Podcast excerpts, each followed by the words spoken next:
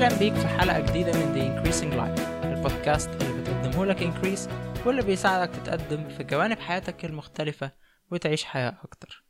أنا ماركو منير البودكاست هوست ويسعدني إني أكون معاك في الحلقة دي. خلال الحوارات اللي بنقدمها بنكون مهتمين إننا نقدم القصة والتجربة اللي ورا نجاح وإنجازات ضيوفنا. معظمنا قرا كتب عن النجاح لكن في الآخر قليلين مننا اللي بينجحوا. عشان كده إحنا بنستضيف شخصيات حققت نتائج إيجابية في حياتهم وقدروا إنهم يحققوا نجاح في مجالات مختلفة من الحياة. هتسمع القصة من حد خاض التجربة بنفسه وهيحكي لك عن رحلته. إزاي قدر يلاقي المجال اللي هو بيحبه وإيه هي نقطة التحول في حياته؟ إزاي قدر يتغلب على الصعوبات اللي قابلته وبتقابله في حياته وفي شغله؟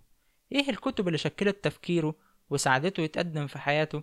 إزاي بيطور من نفسه بشكل مستمر عشان يقدر يحافظ على اللي حققه وكمان يحقق نتائج أفضل. إزاي بيقدر ينظم وقته ويحافظ على التوازن ما بين حياته الشخصية وحياته العملية؟ كل ده وحاجات تانية أكتر هتسمعها وتعرفها من ضيوفنا. إحنا هنا مش بنحاول نفرض تعريف أو تصور معين للنجاح لكن دوري خلال الحوار بيكون هو إني أنقلك تجربة ضيفي وفكره وأعرف إزاي هو قدر يوصل للنتائج اللي حققها في حياته. عشان أنت كمان تقدر تستفيد من الأفكار دي وتطبقها في حياتك وتحقق النتائج اللي انت عايز توصل لها. في حلقة الأسبوع ده أحمد الشاذلي صديقي وشريكي في تأسيس إنكريس هيرجع لنا في حلقة تانية من البودكاست. هنناقش معاه برضو كتاب تاني زي ما ناقشنا معاه في الحلقة رقم 22 كتاب The Power of Habit. هنناقش المرة دي كتاب اسمه Decisive لتشيب ودان هيث اتنين أساتذة في الجامعة بيكتبوا كتاب عن إزاي تاخد قرارات أفضل في حياتك. في الكتاب ده هما بيتكلموا عن أربع أشرار هما بيسموهم الأربعة الأشرار اللي هما أربع تحيزات عقلية أو زي ما بتسمى cognitive biases تحيزات إدراكية. التحيزات دي بتخليك تفكر بطريقة معينة تبعدك عن الطريقة السليمة في اتخاذ القرار. بتخليك تركز على حاجات معينة انت ميال ليها من الأساس علشان تاخد القرار بتاعك ده وبتبقى واخد القرار وانت فاكر ان انت واخد القرار السليم لكن الحقيقة انت ما بتكونش اتبعت طريقة سليمة في اتخاذ القرار. فأحمد هيكلمنا في الحلقة دي عن إزاي نفهم الأربع تحيزات دول وازاي نتفاداهم ونتعامل معاهم وإيه البروسيس أو الطريقة اللي نقدر نعتمد عليها في اتخاذ قرارات أفضل لحياتنا. لو انت لسه ما انضمتش لل group بتاعتنا على فيسبوك هشجعك انك تنضم ليها هتكون فرصة كويسة بالنسبة لك انك تتواصل معانا وترشح لنا ضيوف للحلقات بتاعتنا. كمان نقدر نعرف رأيك في الحلقات وتقدر تتواصل كمان مع عدد تاني من المستمعين للبودكاست بتاعنا. ال group هتلاقيها على فيسبوك باسم The Increasing Life Community وكمان هتلاقي link ليها في ال show notes الخاصة بالحلقة جنب كل الأسماء والكتب اللي اتكلمنا عليها خلال الحوار. على الموقع بتاعنا على اللينك increaseeg.com forward slash 32 ودلوقتي خلينا نبدأ الحوار مع أحمد الشاذلي. أولا إزيك يا أحمد؟ الحمد لله إزيك يا ماركو؟ أنا مبسوط إن أنت موجود معانا للمرة التانية في البودكاست. وأنا كمان. إحنا المرة الأولانية سجلنا مع بعض كانت الحلقة 22 وناقشنا فيها كتاب The Power of Habit بتاع تشارلز دويج. برضو بالنسبة للناس يعني اللي عايز يسمع الحلقة دي ممكن يرجع للموقع بتاعنا increaseeg.com forward slash 22 هيسمع الحلقة اللي بنناقش فيها كتاب The Power of Habit طيب إحنا المرة دي برضو هنناقش كتاب تاني المرة دي هنناقش كتاب إيه؟ كتاب Decisive بتاع تشيب هيث ودان هيث طيب ممكن في البداية كده قبل ما ندخل في تفاصيل الكتاب تكلمنا عن الكتاب نفسه والمؤلفين بتوعه إيه أهمية الكتاب ده؟ هو Decisive كتاب بيتكلم عن القرارات إزاي تاخد قرار احسن. بيتكلم عن ان انت اثناء ما انت بتيجي تاخد قرار عقلك بيبقى فيه نوع من الانحيازات ناحية حاجات معينة بيسموها mental biases أو cognitive biases. ال biases دي بتمنعك إنك تاخد القرار الأفضل. فأنت بتبقى فاهم إنك يعني خدت في اعتبارك كل ال options وكده لكن في الحقيقة ده ما بيحصلش. المؤلفين بتوعه هم اتنين إخوات اسمهم تشيب ودان هيث هم الاتنين دول ألفوا ده تالت كتاب ليهم. عملوا قبل كده كتاب اسمه Made to Stick وكتاب بعديه اسمه Switch وده الكتاب التالت بتاعهم. هم من المؤلفين الشطار جدا يعني. والاتنين هم دكاترة في الجامعة؟ آه هم الاتنين أساتذة الجامعة. تمام. آه، أنت بتتكلم دلوقتي على حاجة اللي إحنا بنسميها ال cognitive biases أو الانحيازات الإدراكية أو العقلية. بتخليك أنت فاكر إن أنت بتاخد قرار كويس لأن أنت القرار اللي أنت أخدته آه، متأثر بالانحياز ده. أنت فاكر إن أنت أخدت قرار كويس لكن في النهاية ال process اللي أنت مشيت فيها هي خاطئة من الأساس لأن هي كانت انت كنت منحاز لطريقة أو لاتجاه معين أو طريقة معينة في التفكير. بالظبط. طيب تمام. الكتاب بيبتدي إزاي؟ ممكن نبدأ إزاي في مناقشة الكتاب؟ ابتدى كده بإنك أنت مديلك مثال حد مدير شركة بي بياخد قرار في إن هو يرفد موظف عنده ولا لأ. الموظف ده بيأدي أداء سلبي بقاله فترة فهنمشيه ولا مش هنمشيه؟ بيديلك شوية معلومات عن عن الموظف صغيرة جدا ويقول لك لو أنت مكان المدير هتعمل إيه. فأنت مش بتبقى عارف أنت المفروض تعمل إيه. البيانات اللي عندك بتقول إن الموظف ده بيأدي أداء مش كويس. لكن أنت ما خدتش في اعتبارك حاجات تانية ما سألتش نفسك أسئلة أخرى غير البيانات اللي أنا مديها لك. يعني هو مديلك مثلا إنه أداؤه في الشهر اللي فات كان سيء بشكل كذا وإنه أداؤه في الفترة الأخيرة كلها عموما عمال يتناقص. لكن ما سألش أو ما عرفكش يعني السوق كان عامل إزاي في الوقت ده؟ الناس التانيين الموظفين زمايله كانوا بيتصرفوا إزاي؟ هل هم أدائهم بيتحسن ولا هم كلهم أدائهم بيقل؟ وهكذا. فأنت بتاخد قرار بناء على حاجة بناء على معلومات قليلة من غير ما تاخد في اعتبارك أسئلة تانية أو معلومات تانية هتفيدك وأهم من المعلومات اللي أنا مديها لك. وأنت فاكر إن من المنطقي إن موظف بيأدي أداء سيء فمن المنطقي إن هو يترفد أو إن هو يمشي. بالظبط. لكن انت ما خدش في اعتبارك زمايله جايز تكون في مؤثرات خارجية الشركة ككل أدائها سيء. الموظف ده ممكن يكون عنده ظرف حاجة بس عارضة يعني مش بتحصل دايما.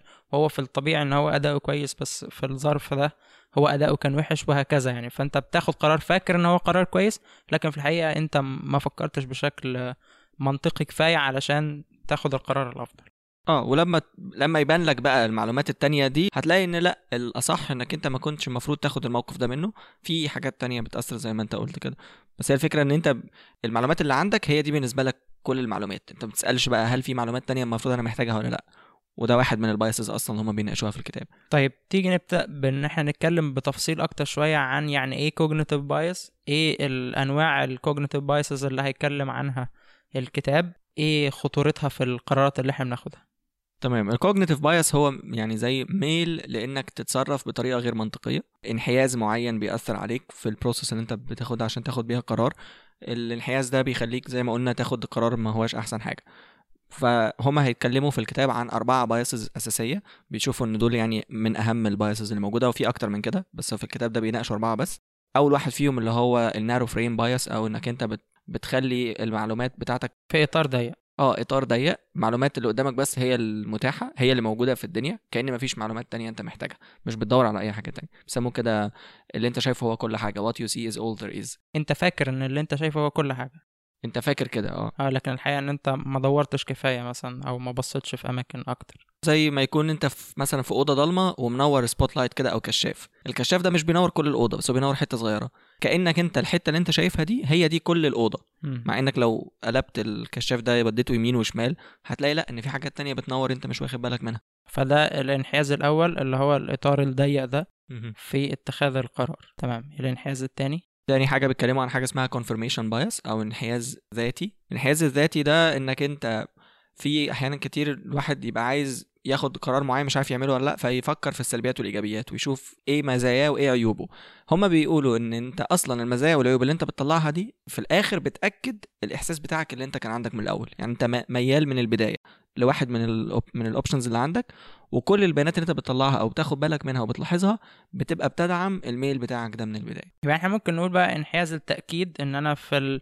في الانحياز ده أنا ببقى بحاول أدور على المعلومات اللي تأكد الاختيار أو الميل بتاعي الاساسي اللي كان من البداية. بالظبط هو كده.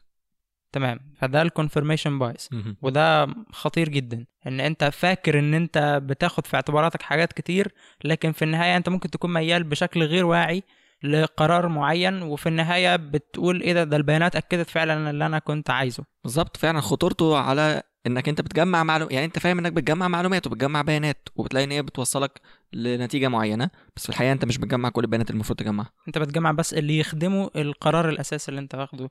ممكن نقول بشكل غير واعي كمان. أيوه بشكل غير واعي.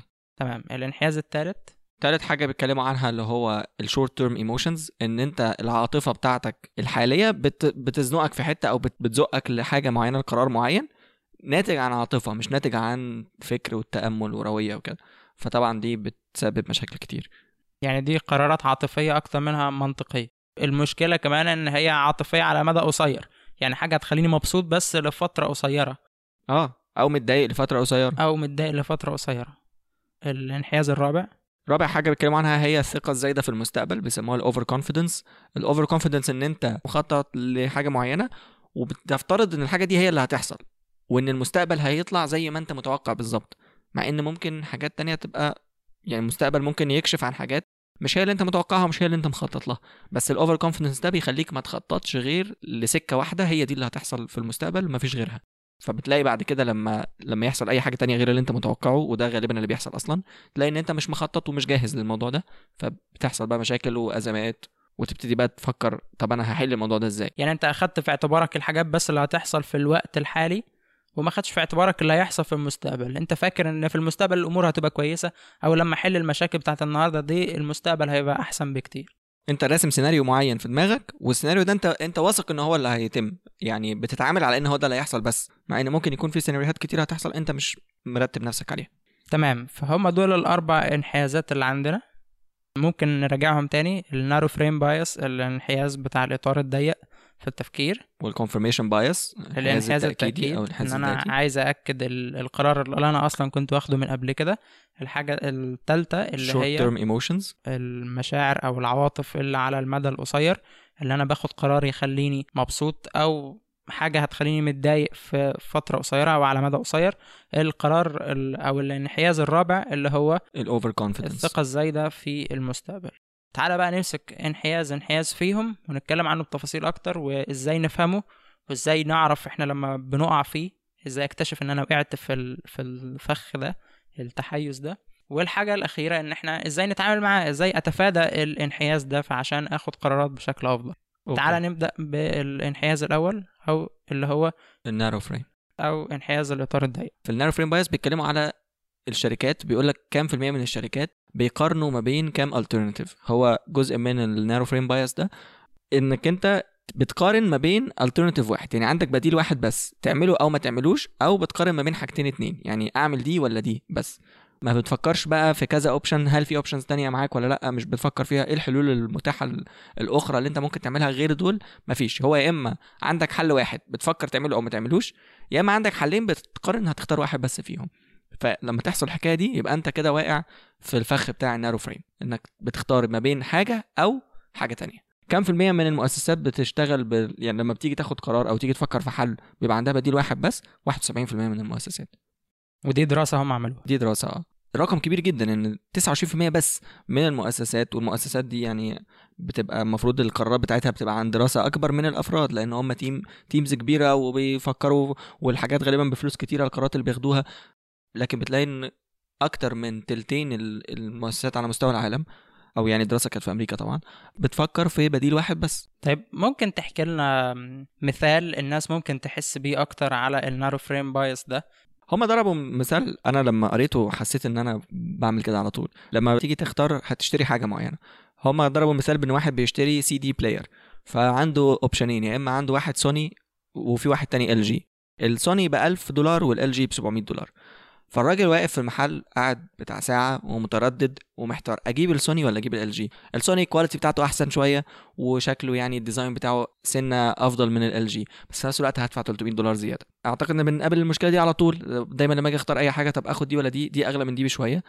جه الراجل بتاع ال sales في المحل وقال له طب إيه رأيك أما أقول لك على حاجة؟ تفضل إيه؟ تفضل تاخد ال LG وتاخد معاه ب 300 دولار CDs تتفرج عليها أو تسمعها ولا تاخد السوني ب 1000 دولار؟ الراجل بص له كده ولقى إنه في زاوية تانية من الحكاية. أنا مش هاخد يعني مش هدفع يا إما 1000 يا إما هدفع 700 أنا ممكن طالما بفكر أدفع ال 1000 طب ما أجيب اللي هو ال LG اللي هو كويس برضو وكل حاجة يعني مش quality وحشة وفي نفس الوقت آخد معاه ب 300 دولار دول بالفرق آخد حاجة تخدم نفس الحاجة اللي أنا بشتريها. فهنا هو كان في option مثلا تالت هو ما كانش شايفه الراجل وما كانش واخد باله منه. مم. أعتقد ناس كتيرة بتقابل المشكلة دي على طول. طيب إزاي أتعامل مع النارو فريم بايس طيب هو ال narrow frame bias ده إيه مشكلته؟ إنك أنت عندك حل واحد أو يعني بديل واحد بتختار ما بين حاجتين اتنين بس. فالحل بتاعه بمنتهى البساطة إنك أنت توسع الدايرة اللي أنت بتفكر فيها. تجيب ال spotlight ده وتجيبه يمين وشمال وتقعد تفكر في حلول تانية. بس المشكلة إن عقلك لما بيجيب حل وعنده دلوقتي أهو طريقة بيفضل بقى ماسك في الطريقة دي وخلاص يعني لسه هتعب نفسي وأفكر في حاجات تانية. طب ما أنا عندي طريقة. أنت افترض إن الطريقة دي مش ممكن تحصل. إنها مستحيلة. بيسميه كده هم مسمينه vanishing options test اختبار كده تقول طب لو الحل ده مش ممكن ابدا يحصل أعمل إيه؟ البديل اللي أنا بفكر فيه ده مش موجود خلاص اختفى ومش هينفع يتم. ساعتها أنت بتجبر بقى نفسك إنك تفكر في حاجات تانية. طب خلاص ما ده مش هينفع يبقى لازم أفكر في حاجة تانية. فهتلاقي نفسك بتطلع بتطلع أفكار تانية يعني مختلفة غير الفكرة اللي أنت عملتها. فده ممكن طريقة مثلا تعالج بيها دي. يعني هي دي طريقة تستفز بيها عقلك إن هو يفكر بشكل مختلف إن هو معتمد على حل معين وأنا شايف إن ال- الخطوة دي هتحل لي المشكلة اللي أنا بمر بيها أو القرار اللي أنا هاخده ده هيكون إيجابي جدا بس أنا قدامي حل واحد بس وقرار واحد. هو آه بيحل بس هو واحد في النهاية ممكن يكون فيه أفضل منه بكتير. فأنت بتقول إن الحل ده أنت استغنى عنه اعتبر إن هو مش ممكن يحصل أو إن هو صعب جدا إن هو يتم وحاول تفكر في حلول تانية. وسع تفكيرك وسع الإطار اللي أنت بتفكر بيه وشوف حلول أكتر تانية بديلة. وانت ممكن تلاقي حل بديل أفضل من الحل اللي انت كنت بتقترحه وممكن ما تلاقي حل بديل تاني بس الحل اللي انت مقترحه في الأول كان أحسن. بس. في الآخر انت عمرك ما هتعرف هو كان أحسن واحد ولا لأ إلا لما يبقى معاك حاجة تانية. وساعتها هيبقى ليه قيمة أكبر إن أنت لما تختار ما بين حاجتين خلاص حتى لو هترجع لنفس الاختيار الأساسي اللي أنت كنت مختاره بس لما تيجي تقارنه بحاجة تانية تحس إن هو بقى دلوقتي أهم أو في مزايا أكتر. طبعا. ما هي فكرة المقارنة بقى دي دي كمان من ال techniques. بس خلي بالك إن أنت ما يبقاش عندك حاجتين بس. يعني أنت برضو كده still لسه بتختار في بديل واحد. يعني يا ده يا ده. لا خلي عندك أكتر من بديل. مم. يعني يا ده يا ده يا ده. ثلاث حلول أو أربعة أو خمسة. أفضل حاجة يعني من ثلاثة لخمسة. جربت ده وطلعت حل تاني. عايز تجيب فكرة تانية برضو. عايز توسع الإطار بشكل مختلف. ممكن تشوف حد أصلا عنده المشكلة دي قبل كده أو عمل نفس الحاجة اللي أنت هتعملها دي قبل كده وتسأله هو عملها إزاي. فلما تسأله هتلاقي طريقة غير الطريقة اللي أنت بتفكر فيها. فيبقى انت كده معاك كذا طريقة برضو. طب ولو هو قال لي على الطريقة اللي أنا كنت بفكر فيها؟ يعني خلاص يبقى الاوبشن ده دور على واحد تاني غيره حل نفس المشكلة برضو. بس هي الفكرة إن هو في النهاية لما أنا هروح أسأل حد هيقول لي برضو على طريقة واحدة. يعني حتى لو هو اداك option واحد بس يعني تبقى معاك واحد زيادة غالبا يعني المفروض ال option اللي هيدولك غالبا أنت ما فكرتش فيه قبل كده. لو كان نفس الحاجة اللي أنت فكرت فيها فأنت ممكن تشوف حد غيره وهكذا. قارن ما بين كل الحلول في نفس الوقت. مم. فكر فيهم كلهم simultaneously بحيث تطلع بأحسن واحد فيهم. فلما تقارن بين كذا حل بتبقى ال process بتاعتك أقوى. تمام. في أي حاجة أخيرة عايزين نقولها عن ال bias الأولانية دي؟ الجزء بتاع إنك تلاقي حد حل مشكلتك قبل كده. أنت ممكن ما تلاقيش حد حل نفس المشكلة قبل كده. فهم عاملين زي سلم كده أنت بتطلع عليه. أول درجة من على السلم اللي هو ناس في قريبين جدا من الموقف اللي أنت فيه.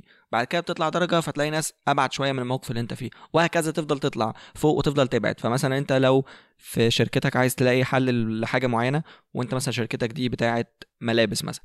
فانت ممكن تدور على الشركات التانية بتاعت ملابس أو إنك ممكن تطلع درجة كمان وتشوف الناس اللي بتبيع قماش عامة بتتكلم إزاي؟ ممكن تطلع درجة كمان وتشوف الناس اللي هم عموما في مجال الريتيل مثلا أو في الجملة على حسب أنت بتشتغل في إيه وهكذا تفضل تطلع. يعني مش لازم الشخص اللي حل المشكلة ده يبقى عنده نفس المشكلة بالظبط. لكن أنت ممكن توظف حاجات تانية من مجالات. ممكن تبقى أبعد سنة عن المجال بتاعك بس توظفها أنت لخدمة الموقف اللي أنت فيه. تمام. دي نقطة مهمة فعلا. باختصار إن أنت تحاول تلاقي أكتر من حل. لو أنت مش شايف قدامك غير حل واحد أو بتقارن ما بين حلين أنت محتاج إن أنت تروح تدور في أماكن تانية وتسأل ناس تانيين على حلول أكتر واختيارات أكتر عشان تقدر تقيم الموضوع بشكل أفضل. بالظبط. ولو عايز تعرف أنت أنت واقع في الفخ ده ولا لأ خلي عندك alarm كده بيرن أو يعني منبه في عقلك أول ما تلاقي نفسك بتقول أعمل كذا ولا كذا أو أعمل كذا ولا لأ هي ولا دي تعرف على طول إن أنت واقع في الفخ ده. تمام. نروح للانحياز التاني؟ ماشي ال confirmation bias أو الانحياز التأكيدي.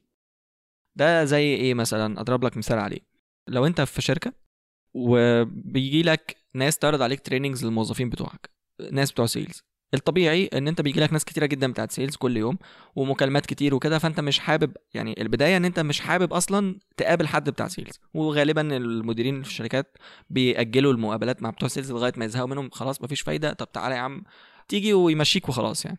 فلو انت في الموقف ده انت المدير وجاي لك واحد وبيعرض عليك training وبيقول لك إن ال training ده مفيد جدا وهنخلي الموظفين بتوعك يعملوا أحسن نتائج في الدنيا والست شهور الجايين هيفرقوا جدا معاك ومش عارف إيه وهتدفع قد كده وهيجي لك return on investment قد مش عارف كام والكلام ده. ساعتها انت كموقف المدير بتبقى إيه الوضع بتاعك من خلال الراجل؟ بتحاول تفكر في كل المزايا اللي هو قال عليها دي. يعني بتفكر فيها إنك أنت معجب بيها ولا بتفكر فيها انتقاديا؟ تشوف هل ده هيحصل بجد ولا لأ. أكيد بفكر فيها انتقادية فبتحاول تطلع كل الثغرات اللي هو بيشرحها لك كل الثغرات في العرض بتاعه وكل الحاجات اللي هو بيبالغ فيها تقول له لا ده انت هنا بتبالغ قوي قوي كده. فانت هنا يعني في موقف منطقي قوي انت بتفكر بشكل منطقي جدا.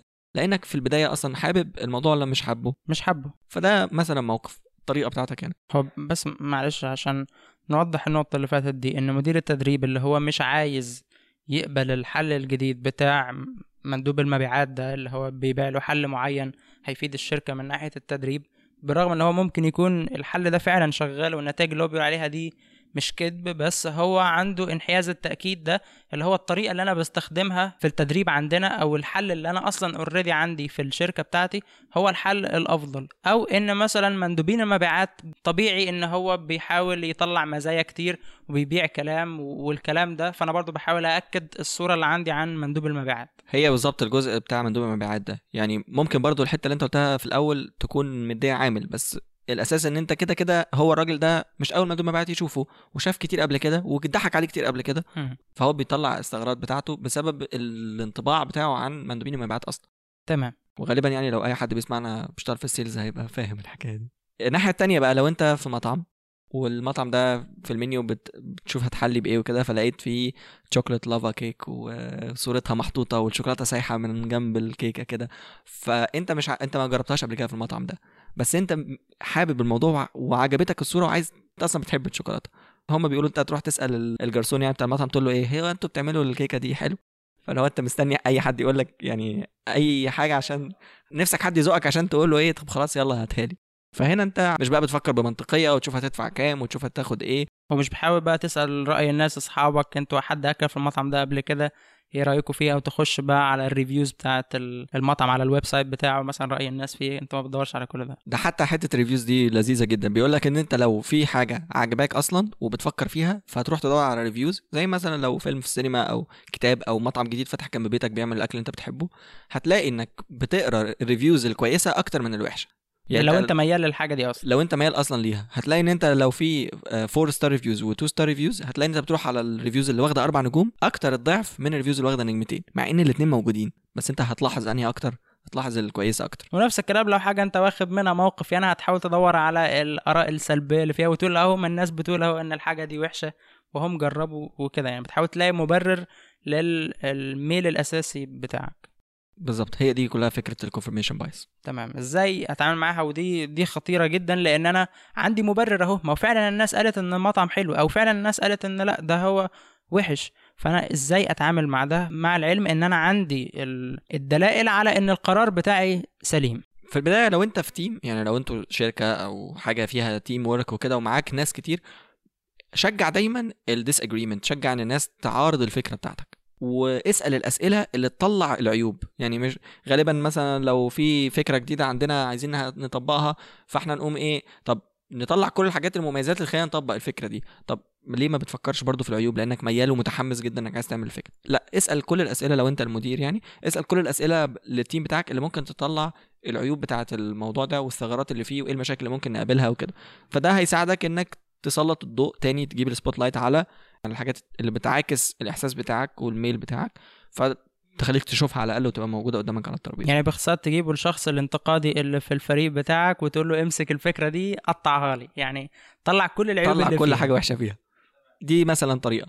طريقة تانية أنت ممكن تفكر في عكس الحل اللي أنت أصلا بتفكر فيه. يعني أنا عايز أعمل كذا طب لو أنا هعمل العكس إيه اللي هيطلع؟ هتبقى النتيجة إيه؟ وتشوف ده هيبقى عامل إزاي.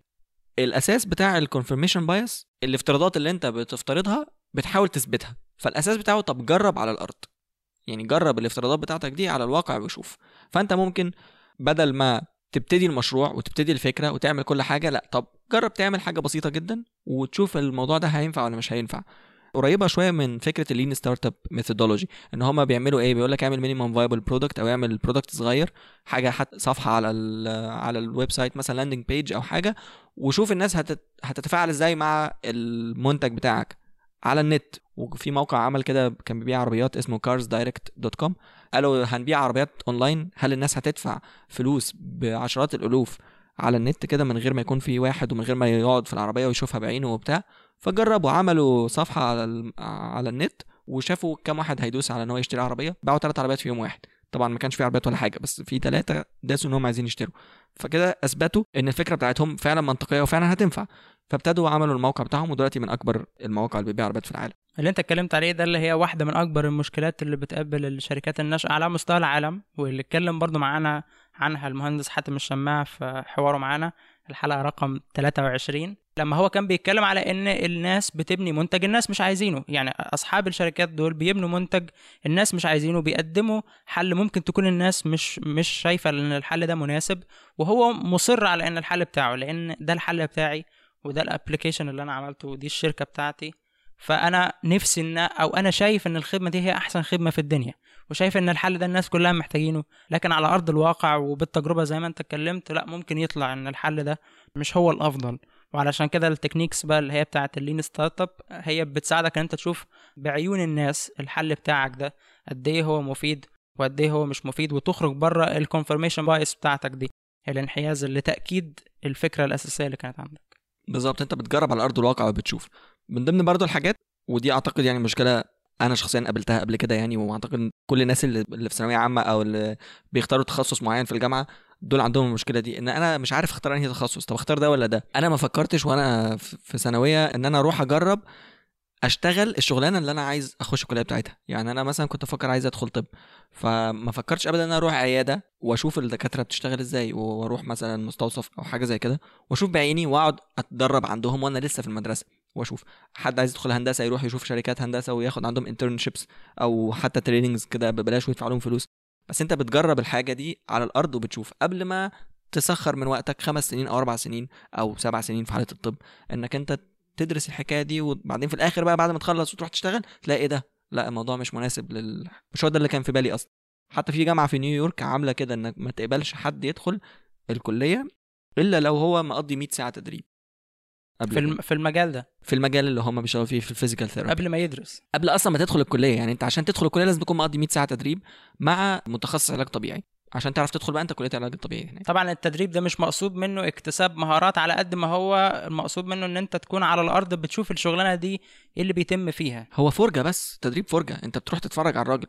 فأنت ممكن من الفرجة دي تقول لا مش هي دي الحاجة اللي أنا عايز أعملها. طب هل ينفع برضه بالنسبة للي مش متاح عنده كده اللي مش متاح internship في مجال معين أو كده إن هو يسأل ناس تانيين بيشتغلوا الشغلانة دي فعلا دي شغلانتهم ال- اليومية يسألهم أنتوا يوم العمل بتاعكم عامل إزاي؟ بتقضوه في إيه؟ إيه الأنشطة اللي بتقوموا بيها؟ إيه إيه الجو بتاع الشغل بتاعكم؟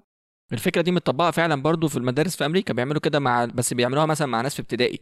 بيجيبوا مثلا رجل إطفاء ويجيبوا دكتور ويجيبوا محامي ومحاسب وكل واحد منهم بيبقى اسمه زي career day يعني ما أعرفش اسمه إيه عندهم بس بيبقى حاجة زي career day كده كل كل واحد بيشتغل في شغلانة يجي يقعد الطلبة تقعد تسأله أنت بتعمل إيه في اليوم؟ بتعملوا إيه أول ما تروحوا الشغل؟ بتعملوا إيه في الآخر؟ فيقعد يحكي لهم بقى بيقفلوا ميزانيه إزاي كل شهر؟ وبيعالجوا المرضى إزاي؟ والناس بتعمل إزاي؟ كده فالفكرة دي طبعا متطبقة بالفعل بره يعني. تمام. فالملخص يعني بتاع ال confirmation bias ده هو انت بتفترض حاجات وبتجيب المعلومات اللي بتدل على الافتراض بتاعك ده طب خلاص حط صباعك في المية قبل ما تنط. جرب الموضوع على الأرض لو ينفع تعمل منه تجربة صغيرة. جرب تسأل الناس التانية وتشوف آه، رأيهم إيه زي ما انت قلت. شجع الآراء المعارضة للرأي بتاعك وفكر في الحل البديل الحل اللي هو عكس الحل اللي انت أصلا بتفكر فيه. ده يساعدك إنك تخرج من الحكاية دي. التحيز الثالث اللي هو بتاع المشاعر. ده بقى مثال عليه أنا قابلته قبل كده يعني لما كنا انت لما لو مثلا صيفت في شرم الشيخ قبل كده أو حاجة ورحت أي مكان زي خليج نعمة أو كده فتلاقي واحد محترم كده بيسلم عليك ويقول لك إيه يا باشا أنت ما تيجي تقضي عندنا يوم day use في الفندق بتاعنا اللي هو فلان الفلاني وببلاش وتعالى أنت والمدام والأولاد وانزلوا البسين و... و... وتشربوا حاجة و... وعيشوا اليوم كله عندنا من غير ما تدفع أي حاجة. فطبعا فكرة تحفة يلا بينا. فتروح أنت والمدام والأولاد الأول يسيبوك تتفرج على الفندق وياخدوك حتة حتة المكان. طبعا المكان يبقى تحفة وشكله جميل وكل حاجة. ويقعد معاك واحد بتاع سيزي يقول لك تشرب إيه ويجيب لك ليمون أو قهوة. طبعا أنت مبهور بالمكان وشكله تحفة.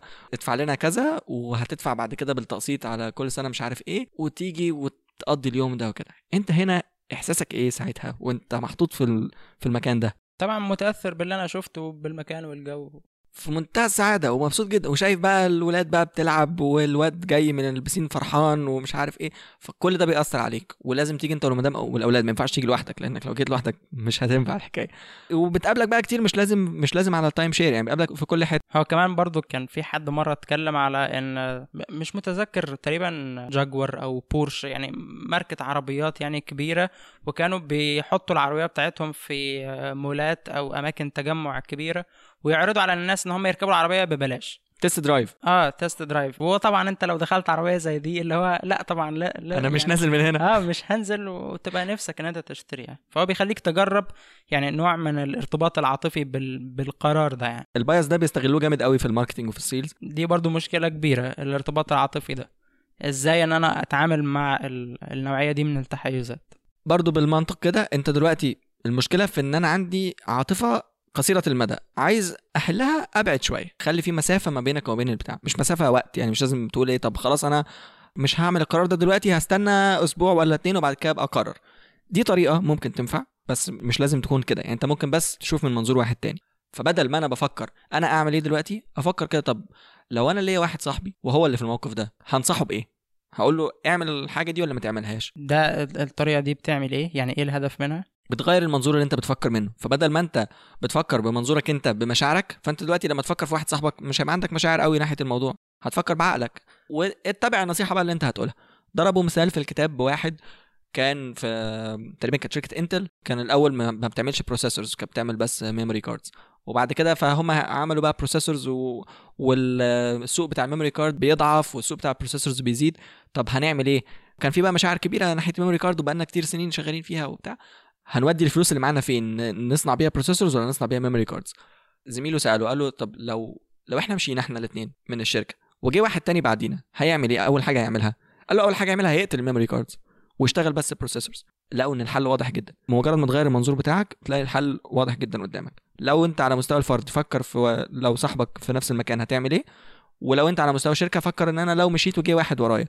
إيه أول حاجة يعملها غالبا أنت بتبقى عارف إيه المشكلة وعارف إيه الحل بس في عاطفة منعاك من إنك أنت تمشي في الحل ده؟ طب في طرق تانية للتعامل مع الانحياز العاطفي ده؟ آه سوزي ويلش اللي هي مرات جاك ويلش عاملة كتاب جاك كده. ويلش برضه عشان نعرف الناس ده كان ال CEO لجنرال إلكتريك وعمل تقدم كبير فيها يعني واحد من أهم الناس اللي مسكوا جنرال إلكتريك. تمام. سوزي ويلش عملت كتاب اسمه 10 10 10 اللي هو طريقة 10 10 10 طريقة يعني تحس إن هي تافهة جدا أول ما تسمعها. فكر في اللي أنت هتعمله ده فكر في إحساسك هيبقى إيه بعد 10 دقائق من دلوقتي وبعدين إحساسك هيبقى إيه بعد 10 شهور من دلوقتي وبعدين إحساسك هيبقى إيه بعد 10 سنين من دلوقتي لو أنت خدت القرار ده. فبرضه تاني ده بيدي لك perspective مختلف. أنت بتبص للموضوع بدل ما أنا باصص له النهارده طب أنا قدام شوية هبقى بفكر فيه إزاي؟ هندم عليه ولا لأ؟ هبقى مبسوط ولا لأ؟ فخور بنفسي ولا لأ؟ وهكذا. فدي طريقة تانية يعني للحل بتاع ال short term emotions وأعتقد دانيال جيلبرت برضو كان دانيال جيلبرت اللي هو الأستاذ السايكولوجي أو علم النفس في جامعة هارفارد واحد من أهم أساتذة علم النفس على مستوى العالم يعني.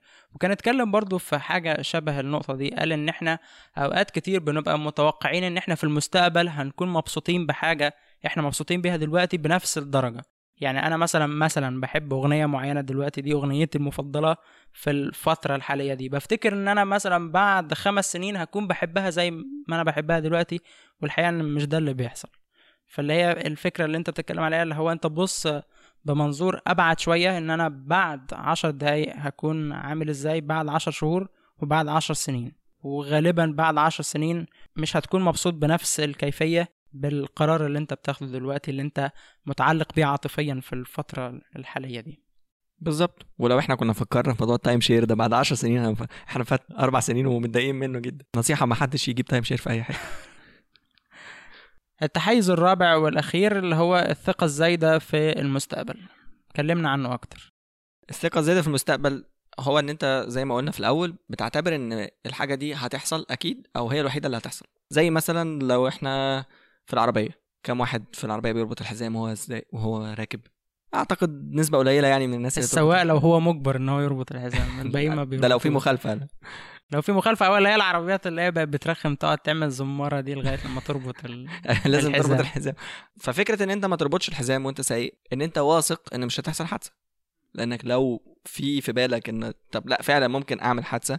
هتربط الحزام أكيد وأنت مش عايز تطير من الإزاز يعني. وانت مش حاطط في بالك إن- ممكن تحصل حادثة ده لإنك يعني بفضل من ربنا إنت ما مرتش بحوادث كتير. آه ممكن ما عندكش قبل كده تجربة مثلا يعني ممكن لو حد قبل كده عمل حادثة يبقى أكيد بعد كده يربط الحزام على طول. فهي فكرة إن إحنا بيبقى عندنا أوقات ثقة زايدة في المستقبل فإن ال القرار اللي إحنا هناخده ده هيمشي بشكل سليم لإن إحنا ما مرناش بالمقابل ليه قبل كده.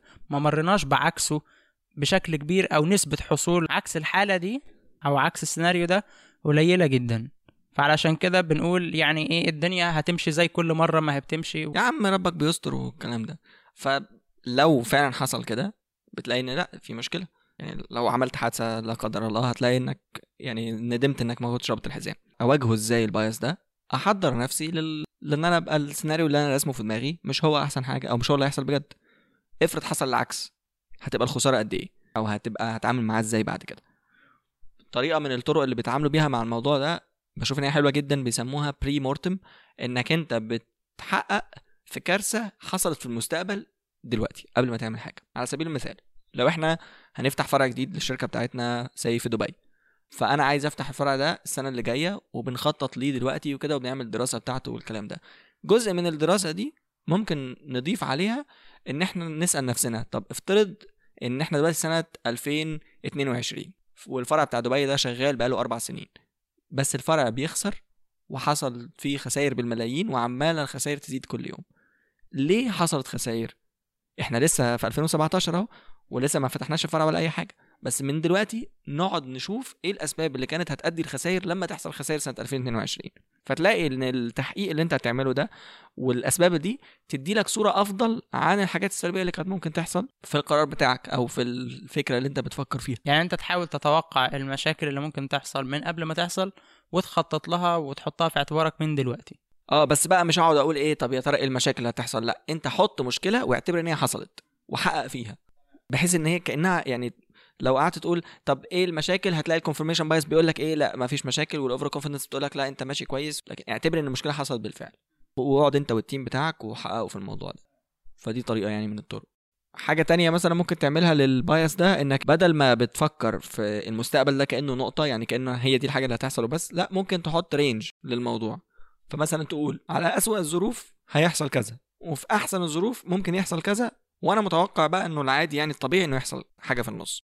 فتلاقي نفسك محضر بدل ما انت محضر ل output واحد تحضر لثلاثه اللي هو ال- اللي انت متوقع يحصل بجد واللي لو الدنيا ما مشيتش كويس قوي هتلاقي في مشاكل حصلت هتبقى فين؟ على سبيل المثال لو انت بتعمل t-shirts وبعدين انت عايز تعرف هتبيع كام تي شيرت في الشهر الأولاني مثلا من الشغل. فتقول أنا هبيع 100 ال 100 دول افرض انت ما بعتش غير 10 هتتصرف إزاي؟ طب افرض انت لقيت إن انت التيشيرتات بتاعتك دي كسرت الدنيا والطلب جاب 500 وانت ما عندكش غير 100 هتتصرف إزاي؟ وتخطط لكل واحدة فيهم.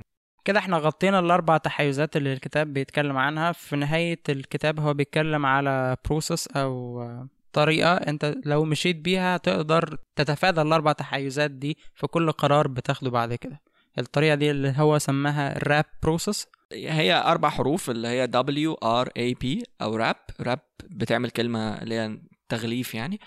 الأولانية ده W هو widen your options عكس ال narrow frame اللي هو أنت في options ضيقه وسع اختياراتك. وسع الاختيارات بتاعتك. ال R اللي هو reality test your assumptions اختبر الافتراضات بتاعتك على الأرض ده اللي هو بيعاكس ال confirmation bias وال A اللي هو attain distance سيب مسافة ما بينك وما بين القرار ده ضد ال short term emotions ال P اللي هو prepare to be wrong أو جهز نفسك لإنك تبقى غلطان لو أنت عندك ال over confidence ده. إزاي أضمن إن أنا امشي حسب ال process دي. ده سؤال جميل. إحنا عرفنا ان إحنا في في عقلنا مشكلة أو يعني عقلنا متركب ان هو بياخد shortcuts وبيعمل حاجات مش مش هي احسن حاجة. عرفت الحل كمان دلوقتي بقى معايا process فانا عارف ان في مشكلة وعارف الحل بتاعها إيه إزاي اضمن ان أنا اعمل الحل ده. أنا رأيي بقى وممكن دي يعني تساعد ان إحنا كنا ناقشنا كتاب ده Power of Habit قبل كده انك انت لازم تخلي ال process دي habit عندك. تخليها عادة بحيث يبقى في زي alarms كده زي ما إحنا اتكلمنا من شوية وكل ما alarm من دول يحصل يبقى cue لل habit دي اللي هي على طول تقوم داخل على طول في ال process اللي هي ال WRAP process ممكن بقى الناس ترجع للحلقة بتاعة العادات عشان تفهم أكتر الموضوع بس الهدف الأساسي ما تقفش إن أنت تبقى عارف ال process بس لأن لما تيجي في سخونية الموقف نفسه هتلاقي نفسك لأ أنت مش مش هتقعد بقى تفكر عقليا وكده وال biases تاني هترجع تتحكم فيك لأن ال biases أصلا هي habits فأنت تعكسها برضو ب habits تانية. أي حاجة أخيرة تحب تقولها عن الكتاب ده؟ هو كتاب حلو جدا ممتع في القراية بتاعته. بيتكلم عن دراسات كتيرة قوي وأرقام كتيرة وكل حاجة مثبتة بأبحاث كبيرة جدا. فبرشح يعني الناس تقراه وكتاب جميل يعني مفيد وممتع في نفس الوقت. تمام؟ هي الحلقة دي مش كفاية هي بس يعني إحنا بنقلب بس كده في الكتاب هي مش مش شرح يعني للكتاب. طبعا إحنا بس بنفتح مواضيع لكن بنرشح لكم إن أنتوا تقروا الكتاب عشان تستفيدوا منه بشكل أكبر. والقرارات حاجة مهمة جدا في حياتنا فلو أنت قدرت تاخد قرارات أفضل أكيد هيكون ليها انعكاس أكبر على النتائج اللي أنت بتحققها في حياتك. بشكرك أحمد على الوقت ده وعلى قرايتك للكتاب وعايزين نشوفك قريب إن شاء الله في كتاب تاني زي ما إحنا متعودين منك. العفو يا ماركو أنا بشكرك على الفرصة دي.